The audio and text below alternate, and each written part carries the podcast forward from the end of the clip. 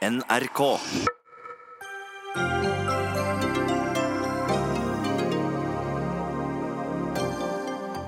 Senterpartiet er Nord-Norges største parti, viser ny måling. Et politisk jordskjelv ifølge Nordlys. Et forståelig opprør mot tonedøve politikere i Oslo, mener Harald Stanghelle. Altfor lett å få bygge vindmøller i Norge, mener Naturvernforbundet. Hevder tillatelser gis på ufattelig dårlig grunnlag. En uke før barnehagestart står nye barnehager ubrukte fordi de er private. Helt vanvittig, mener Høyre. Og EU vil forby det vanligste kunstgresset innen 2022 av miljøhensyn. Ødeleggende for idretten, mener Norges Fotballforbund.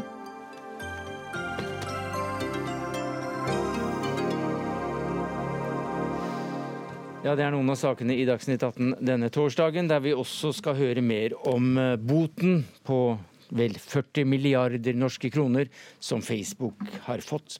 Men først til dette politiske jordskjelvet i Nord-Norge. Det er avisen Nordlys som karakteriserer at Senterpartiet er det største partiet, og at Arbeiderpartiet er vippet av tronen, ifølge en ny meningsmåling. Sandra Borch, stortingsrepresentant for seierspartiet Senterpartiet nå om dagen, fra Troms. Hvordan vil du karakterisere dette?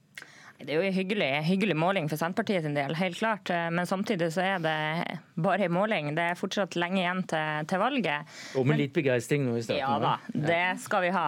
Men det vitner om at vi fører en politikk, en tydelig politikk som folk er folk i nord særlig er enig i. og Det handler jo om at vi er en vektig motmakt til dagens regjering og deres sentraliserende politikk. Ja, altså Hva er det som skjer, bortsett da fra at eh, partileder Vedum har sikkert drukket seg gjennom 100 kopper kaffe på ulike lokallag rundt omkring i landsdelen siden han ble valgt?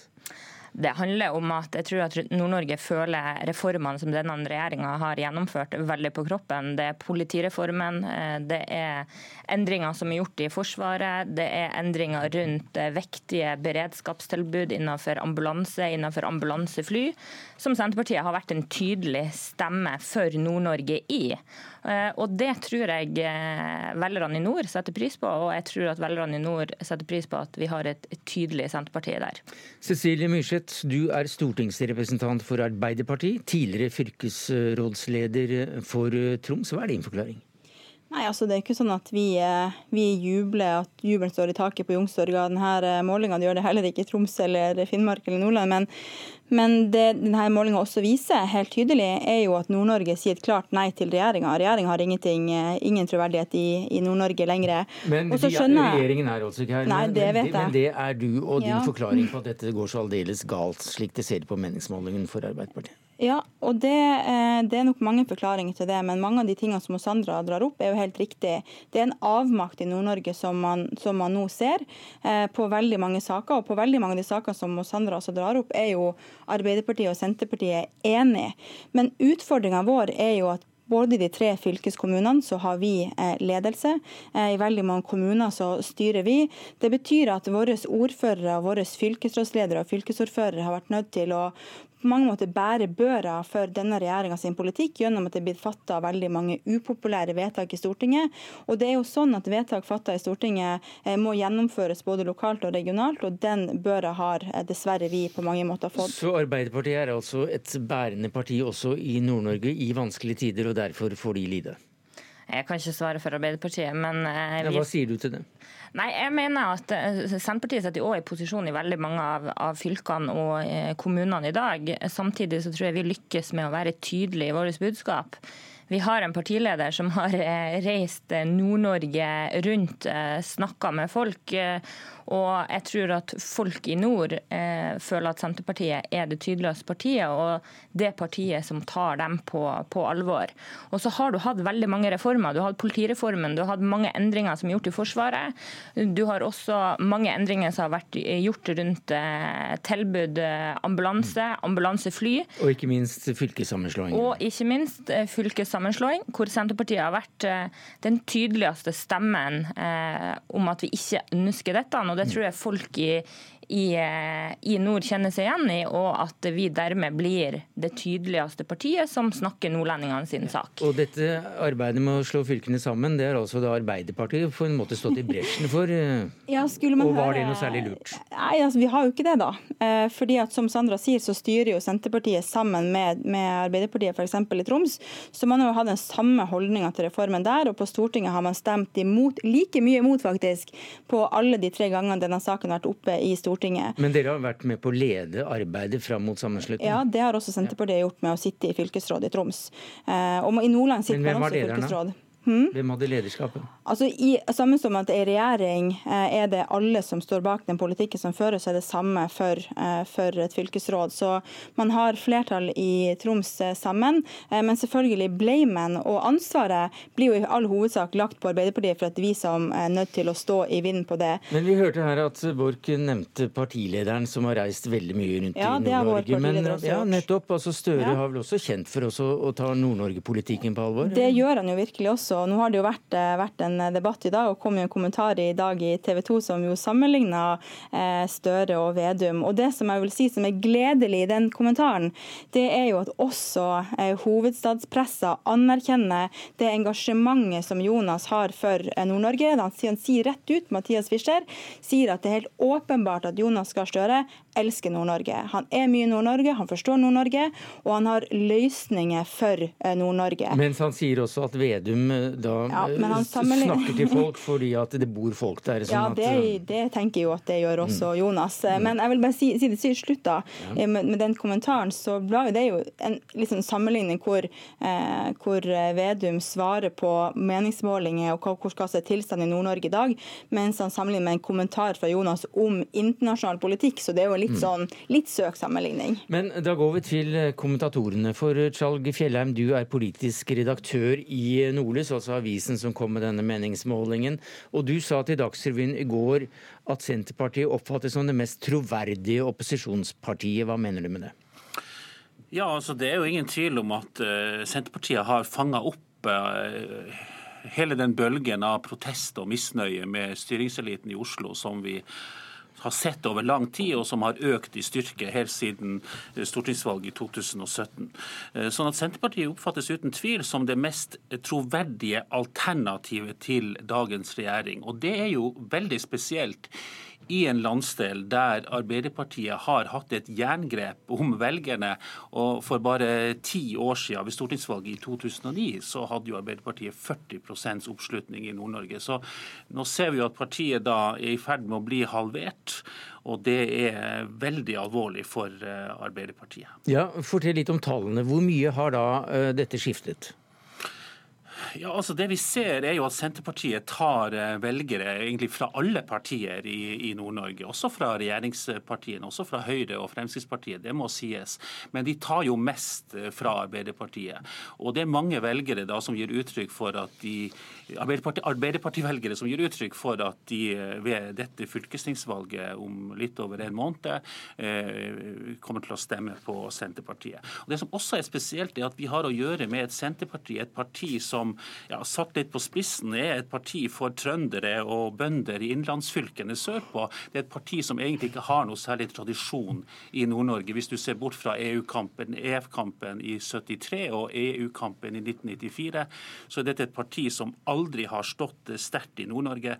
Nå er de i ferd med å erobre landsdelen med nesten hver fjerde velger bak seg. og det er klart Dette er enorme forandringer i velgermassene som bør få, å, bør få alarmklokkene til å ringe hos partiledelsen i de andre partiene i Oslo. Ja, ikke minst Arbeiderpartiet, som altså får en halvering av oppslutningen i Finnmark hvis meningsmålingen hadde vært et eh, valg. Og det fikk deg da ja, Det var kanskje ikke det som fikk deg Stangere, til å skrive at uh, dette er forståelig. Dette er et forståelig opprør mot tonedøve politikere i Oslo. For denne meningsmålingen kom vel før, etter at du hadde skrevet din kommentar. Men hva er det du mener med tonedøve politikere i Oslo? Nei, det er jo det at eh, Vi ser eh, et opprør i form av eh, kraftige protester, som er på en måte der det er kjensle av avmakt, og der det er kjensle av å ikke vært lytta til. Og om en blir lytta til, ja så er det akkurat som sentrale politikere, de store styringspartiene, ikke hører hva som blir sagt.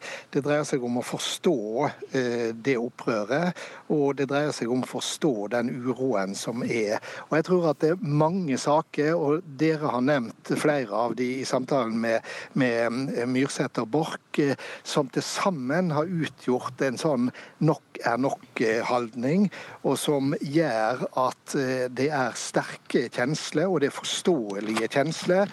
Og det som bekymrer meg, er mangelen på politisk empati, sa Høyre-ordfører Jonny Solsvik i Andøy tidligere i sommer, og jeg tror faktisk der ligger en nøkkel. Fjellheim. Ja, altså, det er jo eh, Hva skal vi si Denne mistilliten da mellom eh, den nordnorske befolkninga og eh, den styrende eliten da i Oslo, for å bruke det uttrykket, er jo noe som ikke egentlig er et nordnorsk anliggende. Dette er jo, kan ikke reduseres til et spørsmål som bare handler om Nord-Norge. Det er jo alarmerende for nasjonen med tanke på den enorme, formidable verdiskapninga som skjer i i denne delen av landet, og hvor viktig Nord-Norge er for, for Norge i et ressursmessig eh, perspektiv.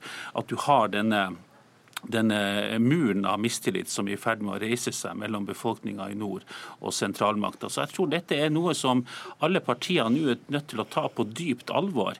Det er jo ikke slik at Senterpartiet har alle svarene på Nord-Norge sine utfordringer, selv om de eh, fosser frem på meningsmålingene. Tvert imot så er jo Senterpartiet på mange måter et parti som eh, konserverer, som står for eh, at det meste egentlig bør være som før. Og jeg er slett ikke sikker på at det er løsninga på å, skape entusiasme og fortsatt vekst i, i Nord-Norge. Det tror jeg sikkert Borch hadde lyst til å si noe om, men det får hun ikke lov til. Eh, Stanghelle, du skriver allikevel at eh, det ikke sutres i Nord-Norge. Hva mener du med det? Ja, men det mener jeg at eh, det skjer veldig mye kreativt i Nord-Norge. Det er, Når du reiser der, så ser du mye vekst. Du ser mange ideer, du ser mange som realiserer ideene sine. Det er egentlig ganske flott stemning.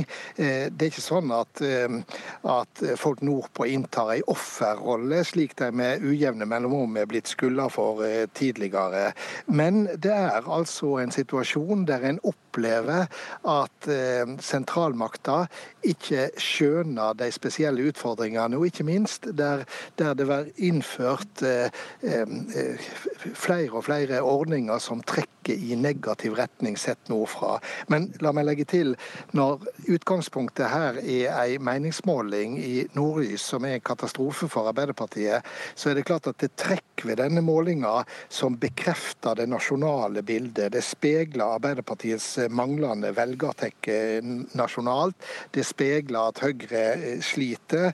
Eh, men her har du sett det med at forsterka overgang eh, mellom Arbeiderpartiet og Senterpartiet, der Senterpartiet som får den store gevinsten. Et parti som i de siste par åra har vært veldig gode på problembeskrivelse og atskillig svakere på løsninger.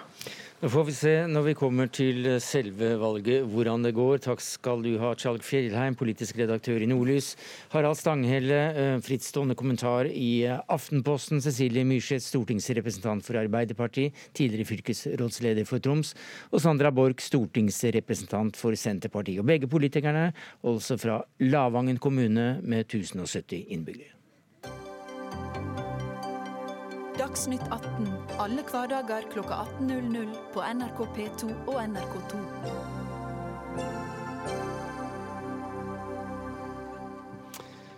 Ja, Facebook må bla opp 40 eh, 43 millioner milliarder norske kroner for brudd på personvernlovgivningen i USA. Selskapet inngår dermed et forlik med det amerikanske forbruker- og konkurransemyndigheten Federal Trade Commission, og sammen med Justisdepartementet i USA så skal de også da påse at selskaper ikke misbruker markedsposisjonen sin. Det er litt av bakgrunnen. Martin Gundersen, du er teknologijournalist i NRK her. Hvorfor skjer dette nå?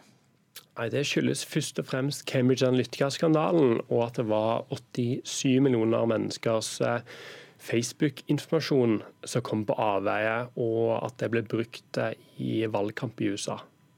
Men eh, nå ser vi også at et, et selskap eh, også går inn og godtar et slags forlik på over 40 milliarder kroner. Hva var det som lå i potten her? Ja, det lå mye i potten. Først og fremst en bekymring på at dette kunne endre måten Facebook driver samler inn data for å kunne gi oss personaliserte annonser. Det fikk de ikke eh, noe påpakning på. Det gikk fint. Og Det skyldes mye at eh, i USA så har man ikke personvernlover som i Europa. Og det er vanligere å inngå forlik og heller bli enige om noe istedenfor å gå til rettssak og vinne igjennom. Altså 5 milliarder dollar, det, det er penger. Er det mye penger for Facebook? For Facebook er det en måneds omsetning. Så det er en eh, betydelig del, men ganske lite sammenlignet med hva de bøtelegges for. Eh, minoriteten i eh, kommisjonen som ga dette forliket, mente at det var altfor mildt, og at man lar Facebook slippe unna fordi man bøtelegger ikke inntjeningen de har hatt på metodene, men man gir dem heller en mindre bot i etterkant. Men konkret, hva er det de da får boten for? Det er et godt spørsmål. Det handler om at de lot utviklere få tilgang til brukerdata gjennom å sånn åpne API, eh, sånn at man kunne spørre om brukerdata man ellers ikke skulle fått. Eh, det er òg eh, dette med at de har brukt um, ditt telefonnummer hvis du har lagt det inn du, hvis du har tofaktor for du er redd for at noen kan ta over kontoen din. Så har de òg brukt det i annonsesammenheng for å Hvis en annonsør laster opp ditt telefonnummer, så har de sagt at ja, vi kjenner deg igjen fordi du brukte det til sikkerhetsnummeret ditt. Så det er egentlig litt sånn små detaljer pluss dette med Cambridge Analytica, men ikke noe i seg sjøl for måten de driver med personvern. Men i går kveld så ble det da også kjent at det amerikanske justisdepartementet åpner en granskning av fem store teknologigiganter. Altså Facebook, ja. Google, Amazon, Apple og Microsoft. Ja, eh, Nå er det ikke helt bekreftet akkurat hvilke selskap det er, men vi antar det er de selskapene. Det er ganske tydelig at det er de det går på. Og Det skyldes at eh, Facebook og Google og Amazon har blitt så dominerende i sine segment at det er liksom ingen andre som kan måle seg. Ida Aalen, du er medieviter og du er eh, DN-spaltist. Du er på vei opp trappa omtrent til studioet vårt, men la meg spørre deg før du er kommet inn her. Har teknologigigantene som Facebook en monopolmakt i dag?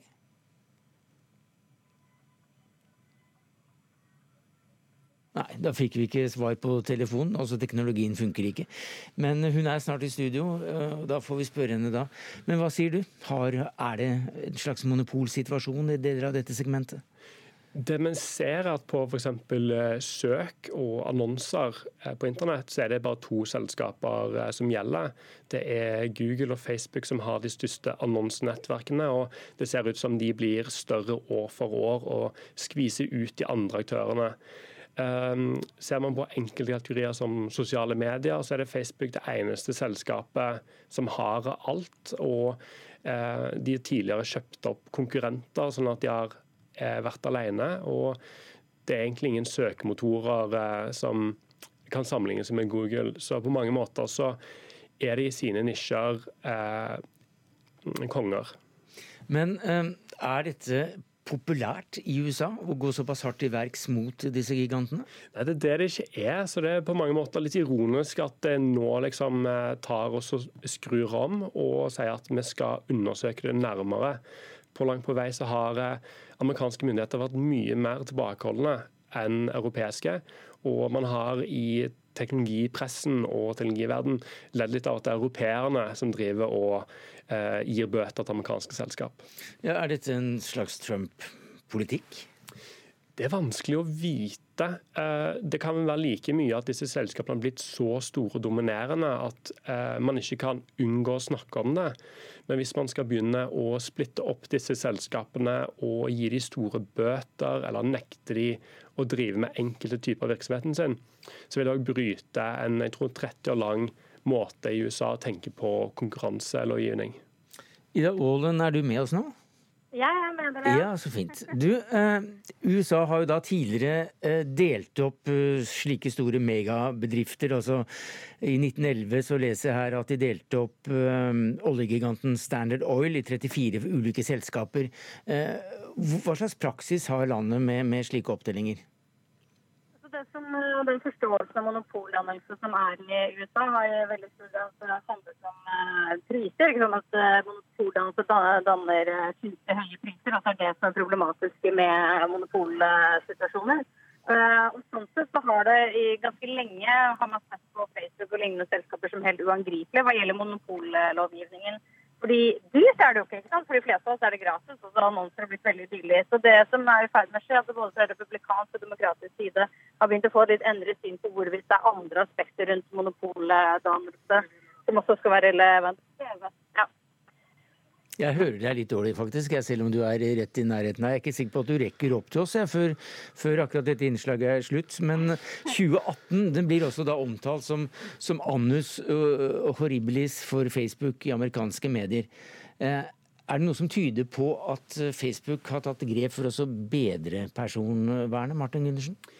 Ja, eh, men mer kanskje dessverre så handler det om at eh, denne overvåkningsmodellen, at eh, disse selskapene må vite mye om oss, eh, ikke eh, endres. Så de er på mange måter bare fortsatte denne modellen. Og det vi ser er at selskapene år for år tjener inn mer penger og eh, på mange måter eh, befester situasjonen de har.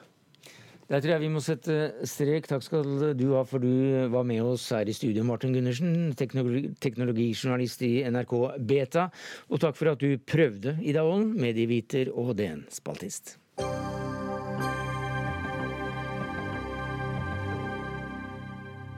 Senere i denne sendingen skal vi høre at de fleste kunstgressbaner i Norge kan bli forbudt. Og om EU da får det som den vil. Eh, nå skal vi til vindmøller. Vi skal ikke slåss mot vindmøller, men vi skal få en sak om at det er altfor lett å bygge vindmøller i Norge. I alle fall når det gjelder å få konsesjon. Det er for lett å få tillatelse til å bygge slike, og nå ber Jeger- og fiskeforbundet, Turistforeningen og Naturvernforbundet om ny behandling av konsesjoner der utbygging ikke har startet. Og hvor er det da Olje- og energidepartementet ikke gjør bra nok innsats i arbeidet med konsesjoner. Maren Esmark, du er generalsekretær i Norges naturvernforbund. Jo, Det vi jo har sett nå de siste årene, er at det er gitt en rekke vindkraftkonsesjoner hvor det miljøfaglige grunnlaget eh, er dårlig. Det har vært eh, få dager hvor man har vært ute og kartlagt, og det har vært til dels ganske gamle rapporter på hvilke miljøverdier og arter som finnes i et område. Ja, har du noen konkrete eh, eksempler? Så Vi har samlet oss nå i organisasjonene eh, og bedt om at man tar en gjennomgang av disse gamle vannkraftkonsesjonene. Fordi vi, vi, vet av erfaring innenfor vannkraft at det er gitt eh, konsesjoner på veldig dårlig grunnlag. Ja, Kom med noen konkrete forslag. også. Hva er verst her nå? Ja, et veldig grelt eksempel er jo Trøndelagskysten. Der er det gitt Eh, vindkraftkonsesjon eh, på rekke og rad oppover langs eh, kysten. Begynte med området Fosen-Storeia, som jo vi bl.a. hadde foreslått som nasjonalpark. Og så videre oppover til Nord-Trøndelag, hvor du har Innvordfjellet og Sørmarkfjellet. Her er det da i ettertid avdekket at det er hubro innenfor det området som man nå skal bygge ut. Sannsynligvis så hadde man funnet hubro noen år tilbake, før man ga konsesjon hvis man hadde lett ordentlig. Men det gjorde man ikke, for man var bare ute i felt noen få dager. Men subro er jo en art som kan hekke forskjellige steder forskjellige år, og hvor du absolutt må være ute av, altså flere ganger i løpet av et år for å være sikker på at du finner den. Liv Lønnum, du er statssekretær i Olje- og energidepartementet. Hvorfor eh, leter dere ikke mer når det kanskje er hubroer i området, noe som antakelig ville stoppet en slik konsesjon? Altså når det gjelder de konsesjonene som er gitt for vindmøller på land, så er de gitt etter en total avveining av både fordeler og ulemper, og der natur- og miljøhensyn er blitt tillagt betydelig vekt i den vurderingen. Uh, ja. ja. Er det slik du forstår det, uh, Maren Esmark? Betydelig vekt? Ikke i det hele tatt. For, for, det første så vektes natur og miljø og friluftsliv eh, lite i en del av de konsesjonene som er gitt, men i tillegg så er det grunnlaget man har gitt den på dårlig. Og dette har vi bevis for. La oss ta vannkraft som eksempel. Øystesevassdraget i Hordaland det er nå vernet i Stortinget. Men der ga NVE konsesjon for noen år tilbake. Men eh, natur- og friluftsorganisasjonene i Hordaland mente at eh, her eh, hadde man kartlagt for dårlig, så vi kjøpte inn egen kartlegger som fant massevis av rød, eller i hvert fall en god del rødlista arter. Det gjorde at OED stanset konsesjonen, og det gjorde at Stortinget i ettertid vernet vassdraget. Og det er jo litt betenkelig når myndighetenes egne systemer ikke er gode nok til å fange opp et vassdrag som faktisk var verneverdig, men likevel ga konsesjon. Lønnen. Jeg tenker nå at Det er viktig å skille på de konsesjonene som er gitt, og de som vi skal behandle i fremtiden. Eh, de konsesjonene som er gitt, de står fast. De vil vi ikke trekke tilbake. Men nå når det gjelder det med vindmøller på land, så har vi da en ramme på høring, som er NVEs forslag til hvilke områder som er mest egnet for vindmøller. De har vi nå ute på høring. Vi ber om innspill. Eh, og vi vil behandle det eh, før vi eventuelt behandler noen nye søknader om vindmøller på land. I tilknytning til den rammen så er det jo da 21 rapporter som ligger til grunn for det, de områdene som de har pekt ut. Eh, som gir oss et økt kunnskapsgrunnlag. Og det vi også har bedt om innspill til her, er jo å få innspill til selve prosessen. Så jeg ønsker Maren Esmark og alle andre, både organisasjoner, kommuner og interesseorganisasjoner, veldig velkommen til å hjelpe oss med å samle sammen både lokal og regional kunnskap før vi nå lager en videre politikk for dette med vindmøller på land. Men Esmark, dere vil gå videre, for dere vil ikke bare at uh, nye konsesjoner skal uh, behandles på en annen måte, men dere vil også trekke konsesjoner der uh, utbygging ikke har begynt. Hvorfor det? Ja, Vi mener at eh, basert på de erfaringene vi har fra vassdrag, hvor vi vet at det er gjort dårlige kartlegginger, at man må gjøre en ny vurdering av en del av de konsesjonene som er gitt. Og det er klart at eh, Energiloven og forvaltningsloven åpner for at konsesjoner kan trekkes tilbake dersom det kommer inn ny og in viktig informasjon. Og så er jo spørsmålet da hva, hva mener Lundem er viktig informasjon? Ja, vær så god. Altså De konsesjonene som er gitt, er endelige forvaltningsvedtak. Øh, og de konsesjonene som vi har gitt på vindmøller på land, de vil stå fast. Det har jeg sagt, og det, det står vi for. Men vi har også nå satt på en, en, pauseknapp i forhold til at vi nå ønsker å samle inn alt det kunnskapsgrunnlaget som vi har, og eventuelt har behov for, før vi da uh, utvikler ny og videre politikk for vindmøller på land. Esmark. Ja, nei, Vi mener at det er eh, fullt mulig å trekke tilbake en konsesjon dersom man eh, finner ny informasjon. Og det, Juridisk sett så er det fullt mulig, men spørsmålet er jo hvor viktig skal den informasjonen være? Altså Hvor viktig er en art? Hvor mye naturmangfold må finnes for at man kan eh, kjenne en konsesjon ugyldig? Og Det tenker jeg er en politisk diskusjon som Olje- og energidepartementet og regjeringa nå må ta. For nå ja. våkner det veldig mange mennesker et stort opprør rundt om i landet. Etter hvert som både lokalpolitikere, som har vært med å stemme for disse vindmøllene, men som nå i ettertid ser hvor dramatisk det er, eh, og hvor natur- og friluftsfolk og organisasjoner tar til motmæle og sier mm. at dette går ikke. For her har man gått direkte etter urørt natur. Ja, Unnskyld at jeg avbryter deg, Smak, men du nevnte dette hubro-fenomenet, som også da eh, Disse fuglene sa du også forflytter seg og hekker årvisst her og årvisst der. Altså Hvis de hekker rundt omkring i store områder, så er det jo nesten umulig å bygge ut eh, vindkraft i det hele tatt? Ja, og langs Trøndelagskysten så må vi stille spørsmålstegn ved om ikke flere av konsesjonene som er gitt der, er rett og slett gitt på feil grunnlag, fordi man ikke har sett på helhetsbelastninga som ett område utsettes for. Fordi du på en måte du, du dytter hubroen og andre arter fra sted til sted, og leveområdet blir veldig sterkt begrenset når du får såpass mange anlegg etter hverandre. Men regjeringen arbeider også nå med forslaget til nasjonal ramme for vindkraft. Hva skal komme ut av det, Lønnum? Altså, det er jo et form for et kunnskapsgrunnlag hvor vi kartlegger nå samler sammen all informasjonen vi har, og kartlegger hvilke områder som er mest egnet. Eh, vi har også lagt dette forslaget fra NVE ut på høring for nettopp å be om innspill fra alle lokale og regionale organisasjoner, kommuner, fylkeskommuner osv. for å få deres innspill. Og vi registrerer jo vi også i denne høringsprosessen at det er mange som er bekymret, mange som er uenig. Og det er nettopp å få en total oversikt over dette som vi nå er ute etter. Og så vil vi komme tilbake til regjering med et forslag for hvordan politikken skal være på dette området fremover. Ja, til regjeringen, men hva med Stortinget? Jeg ser her at det er flere partier som vil ha det direkte til Stortinget. Ja, jeg har registrert det samme, og det har jeg forståelse for. Planen vår er at vi skal sammen med andre berørte departementer eh, sende det tilbake til regjering.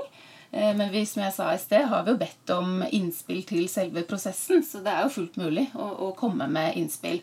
Nå i høringsperioden så kan ikke jeg på en måte lage andre eh, regler eller rutiner eller fatte vedtak. Så akkurat nå samler vi sammen all den informasjonen mm. som er der ute, og så vil vi kommunisere videre hvordan prosessen skal Men, være. Lars Haltbrekken, stortingsrepresentant for SV. Dere, Senterpartiet og MDG vil ha dette til Stortinget. Hvorfor det?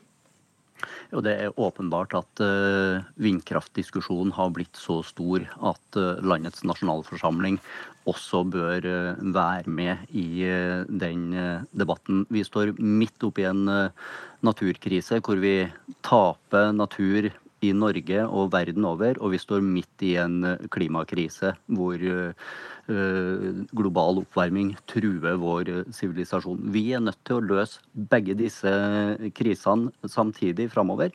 Og det er klart at her har Stortinget et ansvar for å bidra i eh, disse diskusjonene. Ja, Men hvorfor skal Stortinget akkurat ta denne saken, når er, du hører at denne saken skal behandles på helt vanlig måte? Ta sammenligninga med vannkraftutbygging.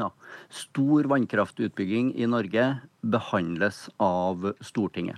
Når vi diskuterer hvilke elver som skal vernes, så er det en sak for Stortinget.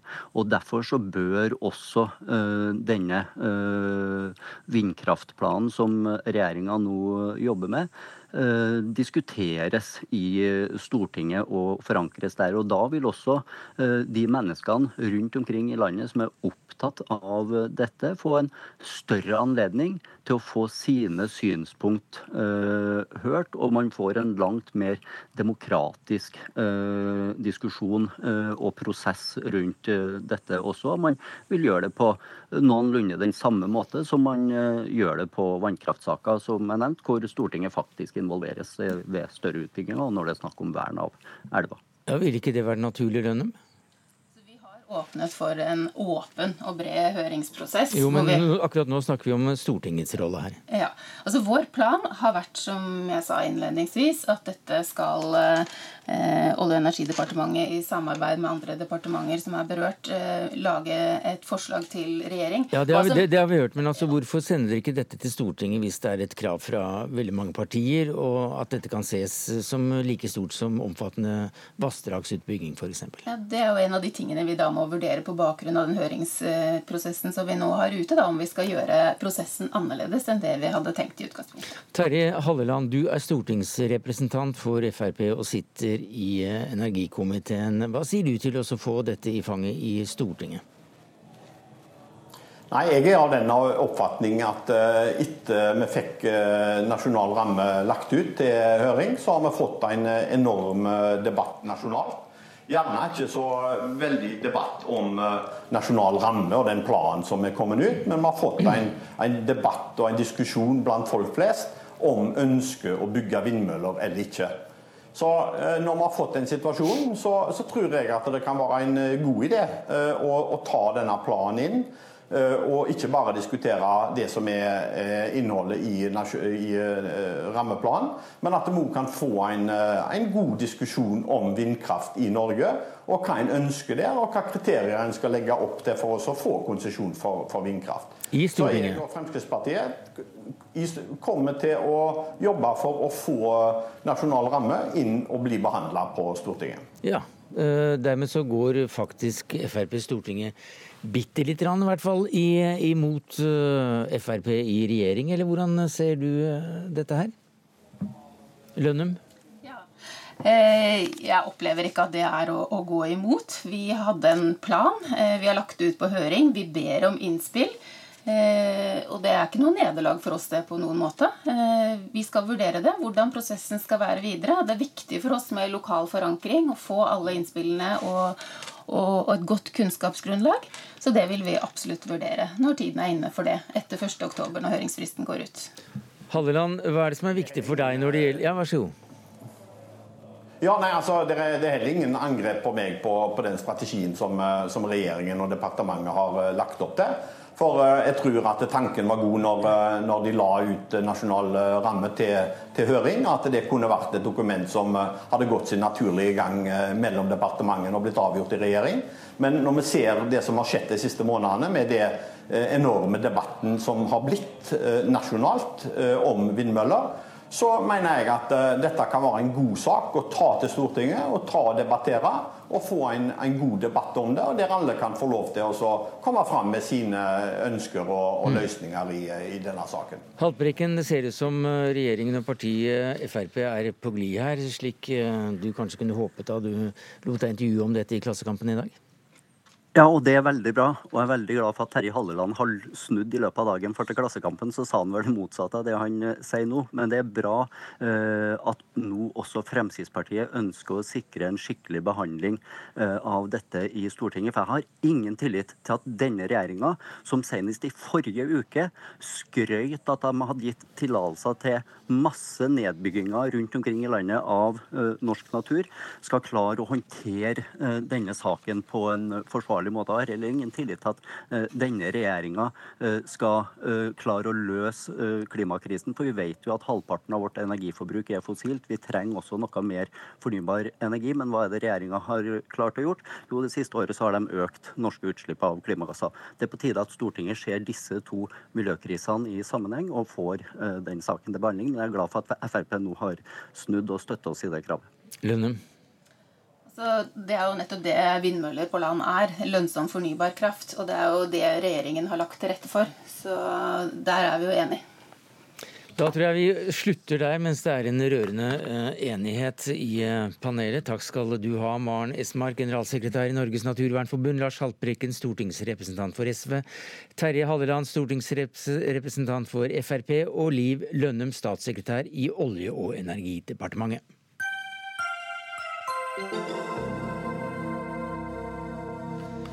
Men det blir eh, mer politikk, men nå eh, politikk som angår barna våre. For om bare en uke er det barnehagestart.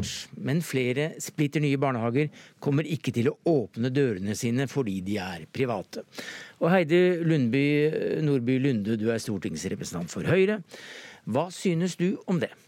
Ja, nå har vi akkurat fått en, en, nok en gang en undersøkelse som viser at uh, foreldre mener at private barnehager faktisk leverer bedre kvalitet i tjenestene enn uh, i de kommunale.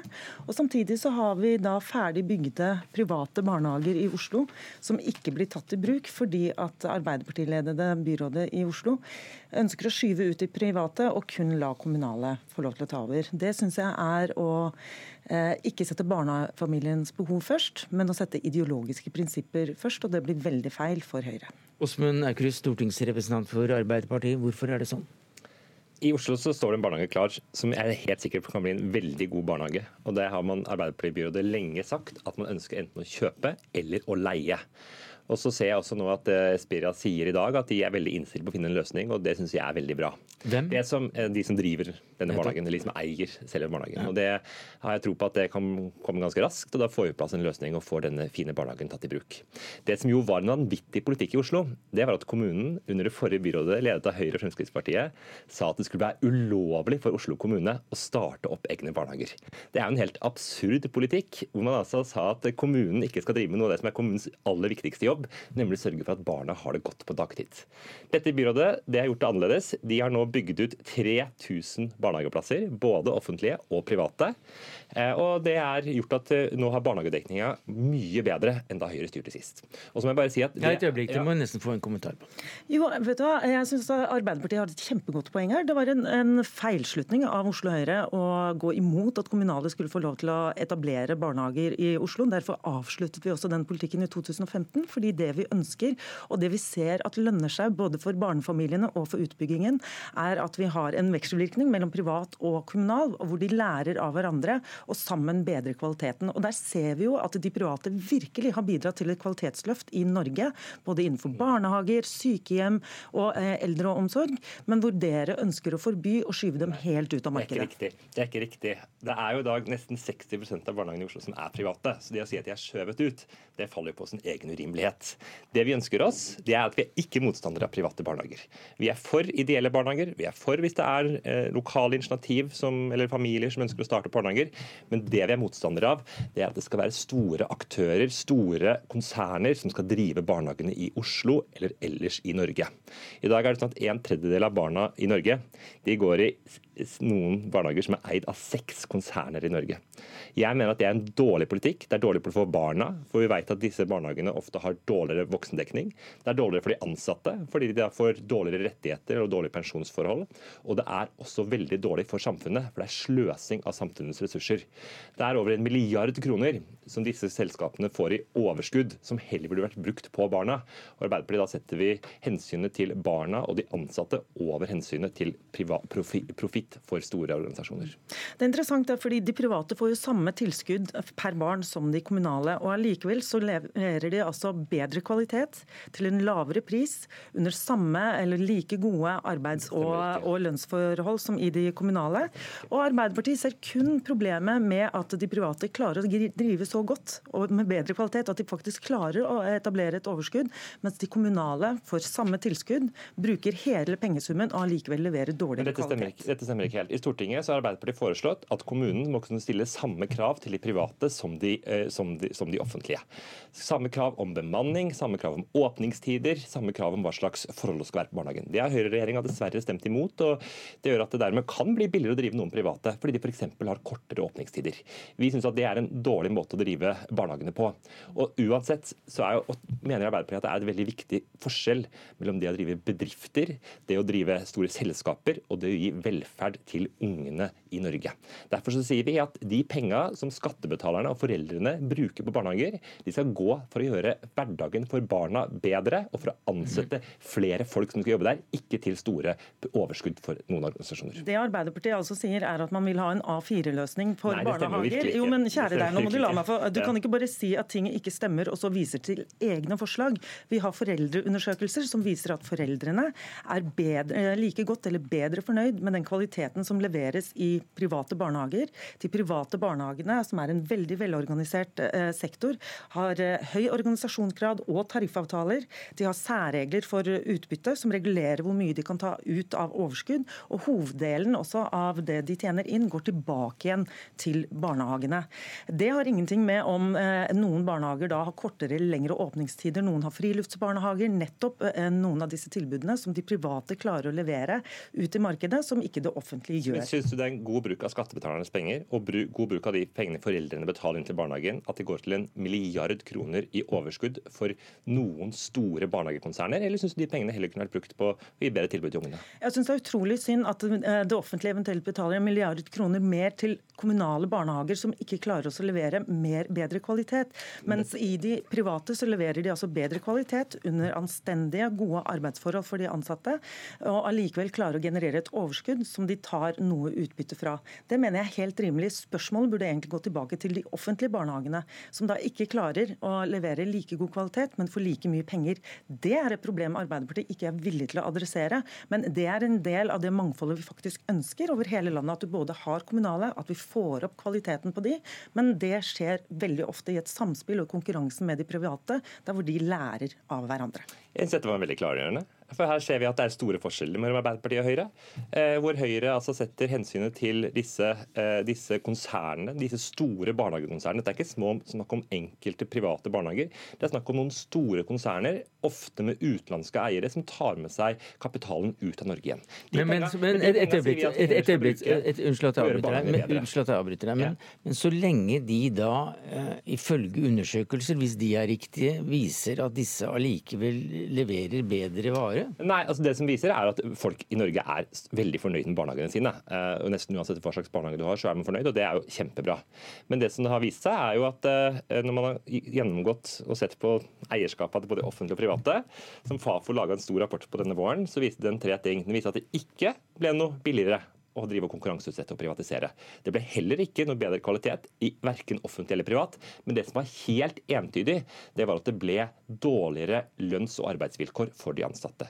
Jeg mener at de som jobber i barnehagesektoren eller jobber i andre eh, i skoler og eldreomsorg og driver, driver egentlig holder velferdstjenesten Norge oppe, det er folk som stort sett ofte tjener ganske dårlig, og som jobber veldig hardt. Jeg er ikke med på at vi skal drive denne konkurransepolitikken, privatiseringspolitikken, mm. som gjør at de får dårligere vilkår.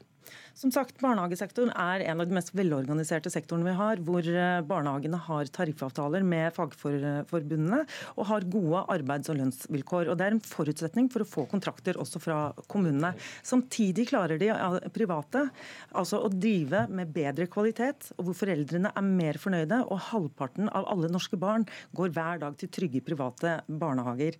Og Da syns jeg det er et større problem at vi åpenbart betaler mer til de kommunale barnehagene som leverer dårligere kvalitet.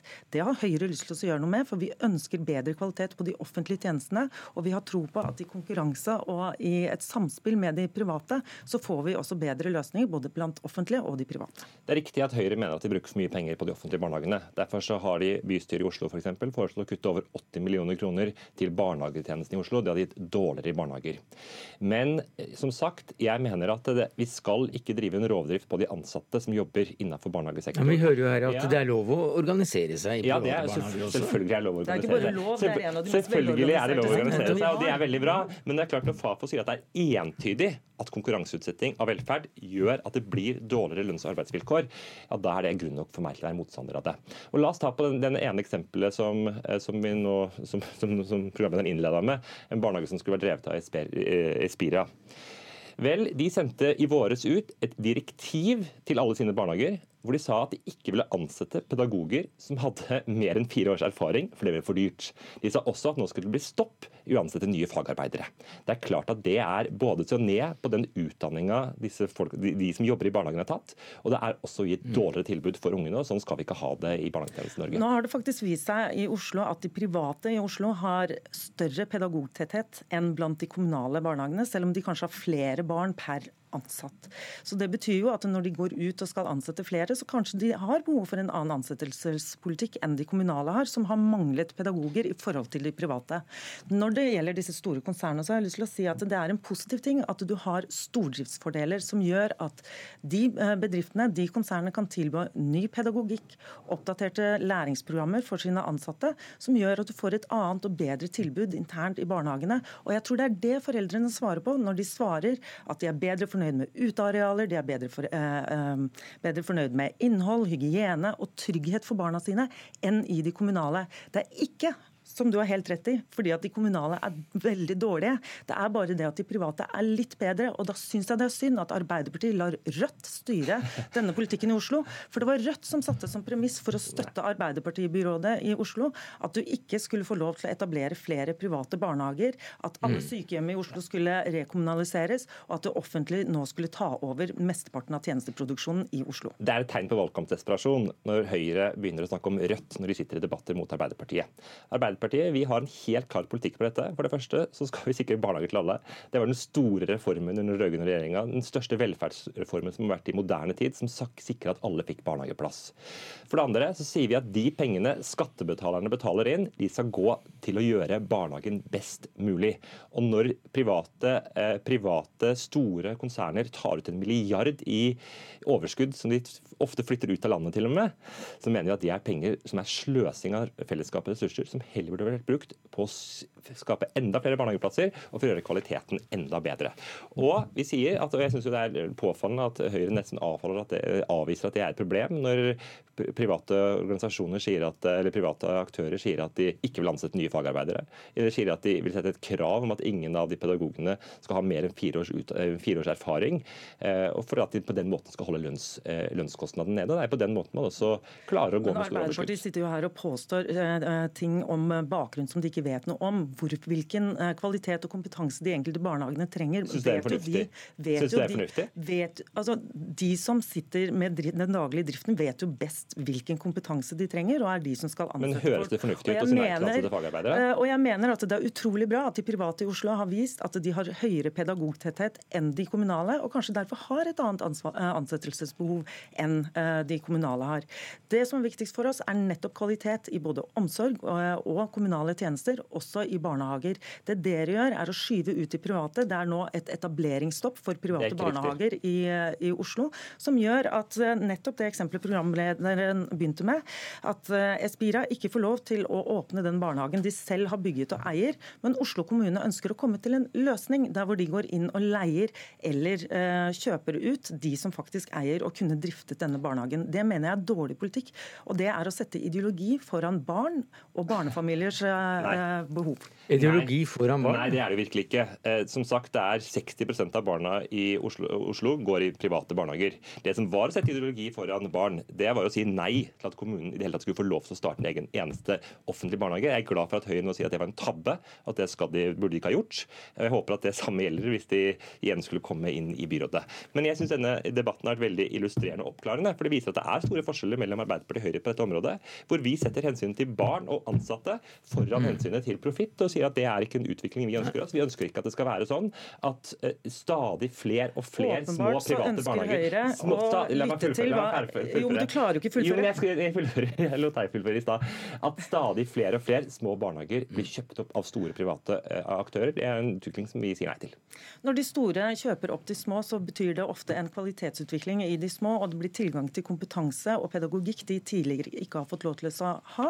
Det gjør eh, foreldrene svarer helt klart og entydig på alle foreldreundersøkelser om at de er mer fornøyd med private mm. barnehager. Og kvaliteten i de, det er det viktigste for Høyre, som setter kvaliteten til barna og barnefamiliens først, ikke ideologi. Takk skal du ha, Heidi Nordbø Lunde, stortingsrepresentant for Høyre, til Åsmund Aukrust, stortingsrepresentant for Arbeiderpartiet.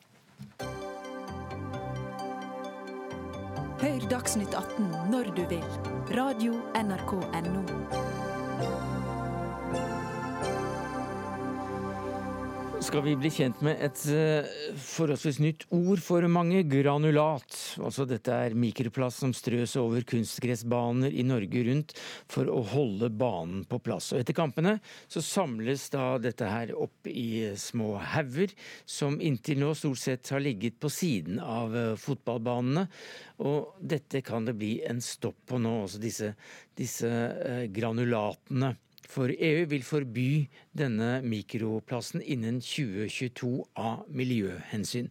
Og Øyvind Håbrekke, du er faglig leder i Tankesmien Skaperkraft. Eh, dette er Norges Fotballforbund veldig imot. Eh, hva syns du om det? Nei, Jeg tenker at fotball, bare for å begynne med det, fotball er jo kultur. Og Det er den største arenaen for leik og eh, aktivitet, organiserte arenaen for leik og aktivitet blant unger og ungdom i Norge. Og Det handler om at gutter og jenter springer ut i frisk luft, gressplen og en ball og leker seg. Og Så har vi fått kunstgressbanene som har vært kjempeviktig for eh, fotballen i Norge. Først og fremst som aktivitets, eh, fordi det stimulerer aktivitet. Og, og så ser vi nå mer og mer av at det har miljøkonsekvenser. Og Da tenker jeg at da er det viktig at vi alle som er glad i fotball, vil jo løse det problemet. For det passer liksom ikke inn med det her rene, enkle fotballuttrykket som fotballkulturen representerer, at, det, at uh, ungene nærmest er med på forurensning ved å bruke disse banene. Og Da tenker jeg at uh, ønsker jeg at jeg ser at Fotballforbundet har en veldig aktiv rolle i å løse problemet, og det setter jeg stor pris på.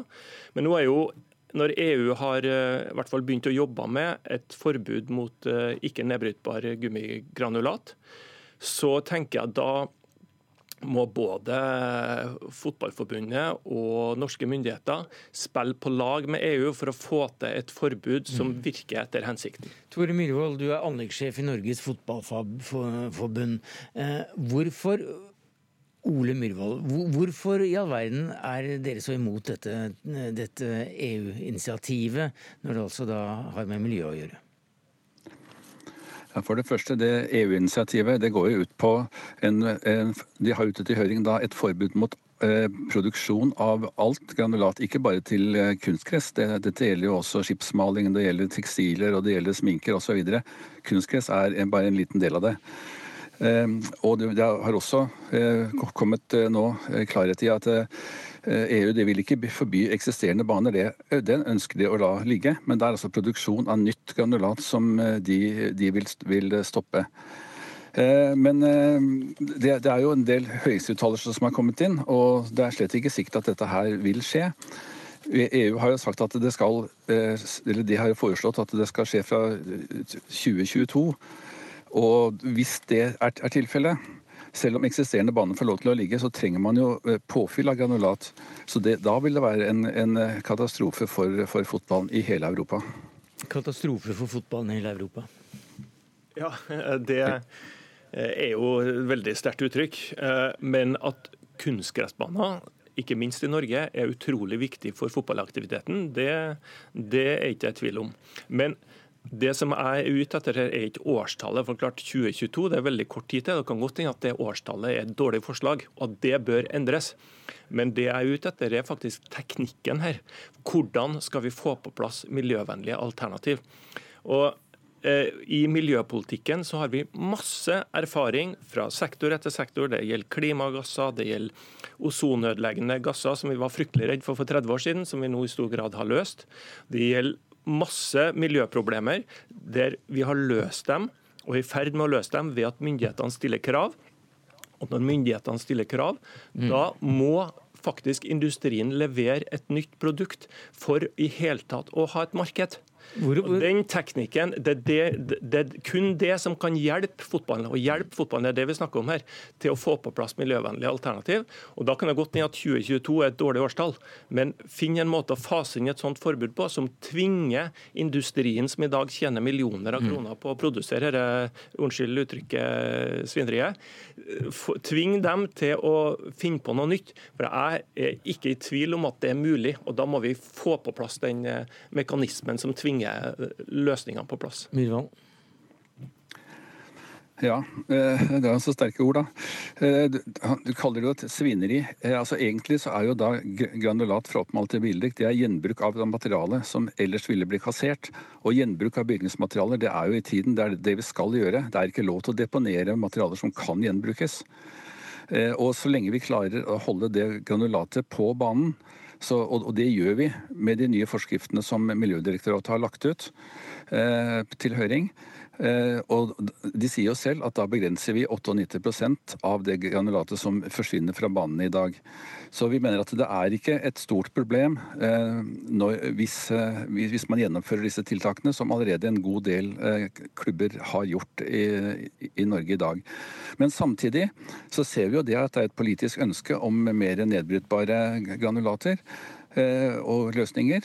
Og vi samarbeider jo med flere firmaer nå som ser på granulat av trevirke, av cellulose, av, eh, av andre plantestoffer.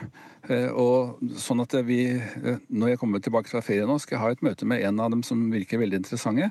Og I fjor så la vi ut en bane i Oslo, en prøvebane på en syverbane eller en ballbinge var vel det, med et granulat av linin, som er et biprodukt av cellulose og bioplast. Eh, nå holder vi på å se på hvor godt det har bestått eh, det, det året. Og Universitetet i Ås forsker nå på hvor eh, nedbrytbart det er, hvor lang tid det tar å mm. bryte det ned. Så vi jobber jo absolutt med alternativer. Og de kommer, selv om man ikke da kommer med et snarlig forbud mot gummigranulat. Skal vi gjenta hvorfor det er så viktig med akkurat disse granulatene?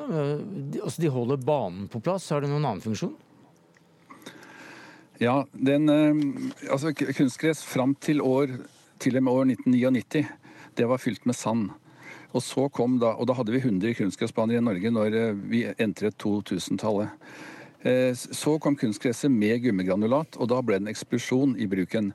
Og Det er fordi at et kunstgress med gummigranulat er mye nærmere et kunstgress, et, en, en, en, en naturgressbane som er det vi ønsker. Og det granulatet det gir en støtdemping, en veldig god støtdemping. Det er hudvennlig, du slipper de skrubbsårene du fikk tidligere når det var fylt med sand. Og som sagt, det er gjenbruk av et kassert materiale.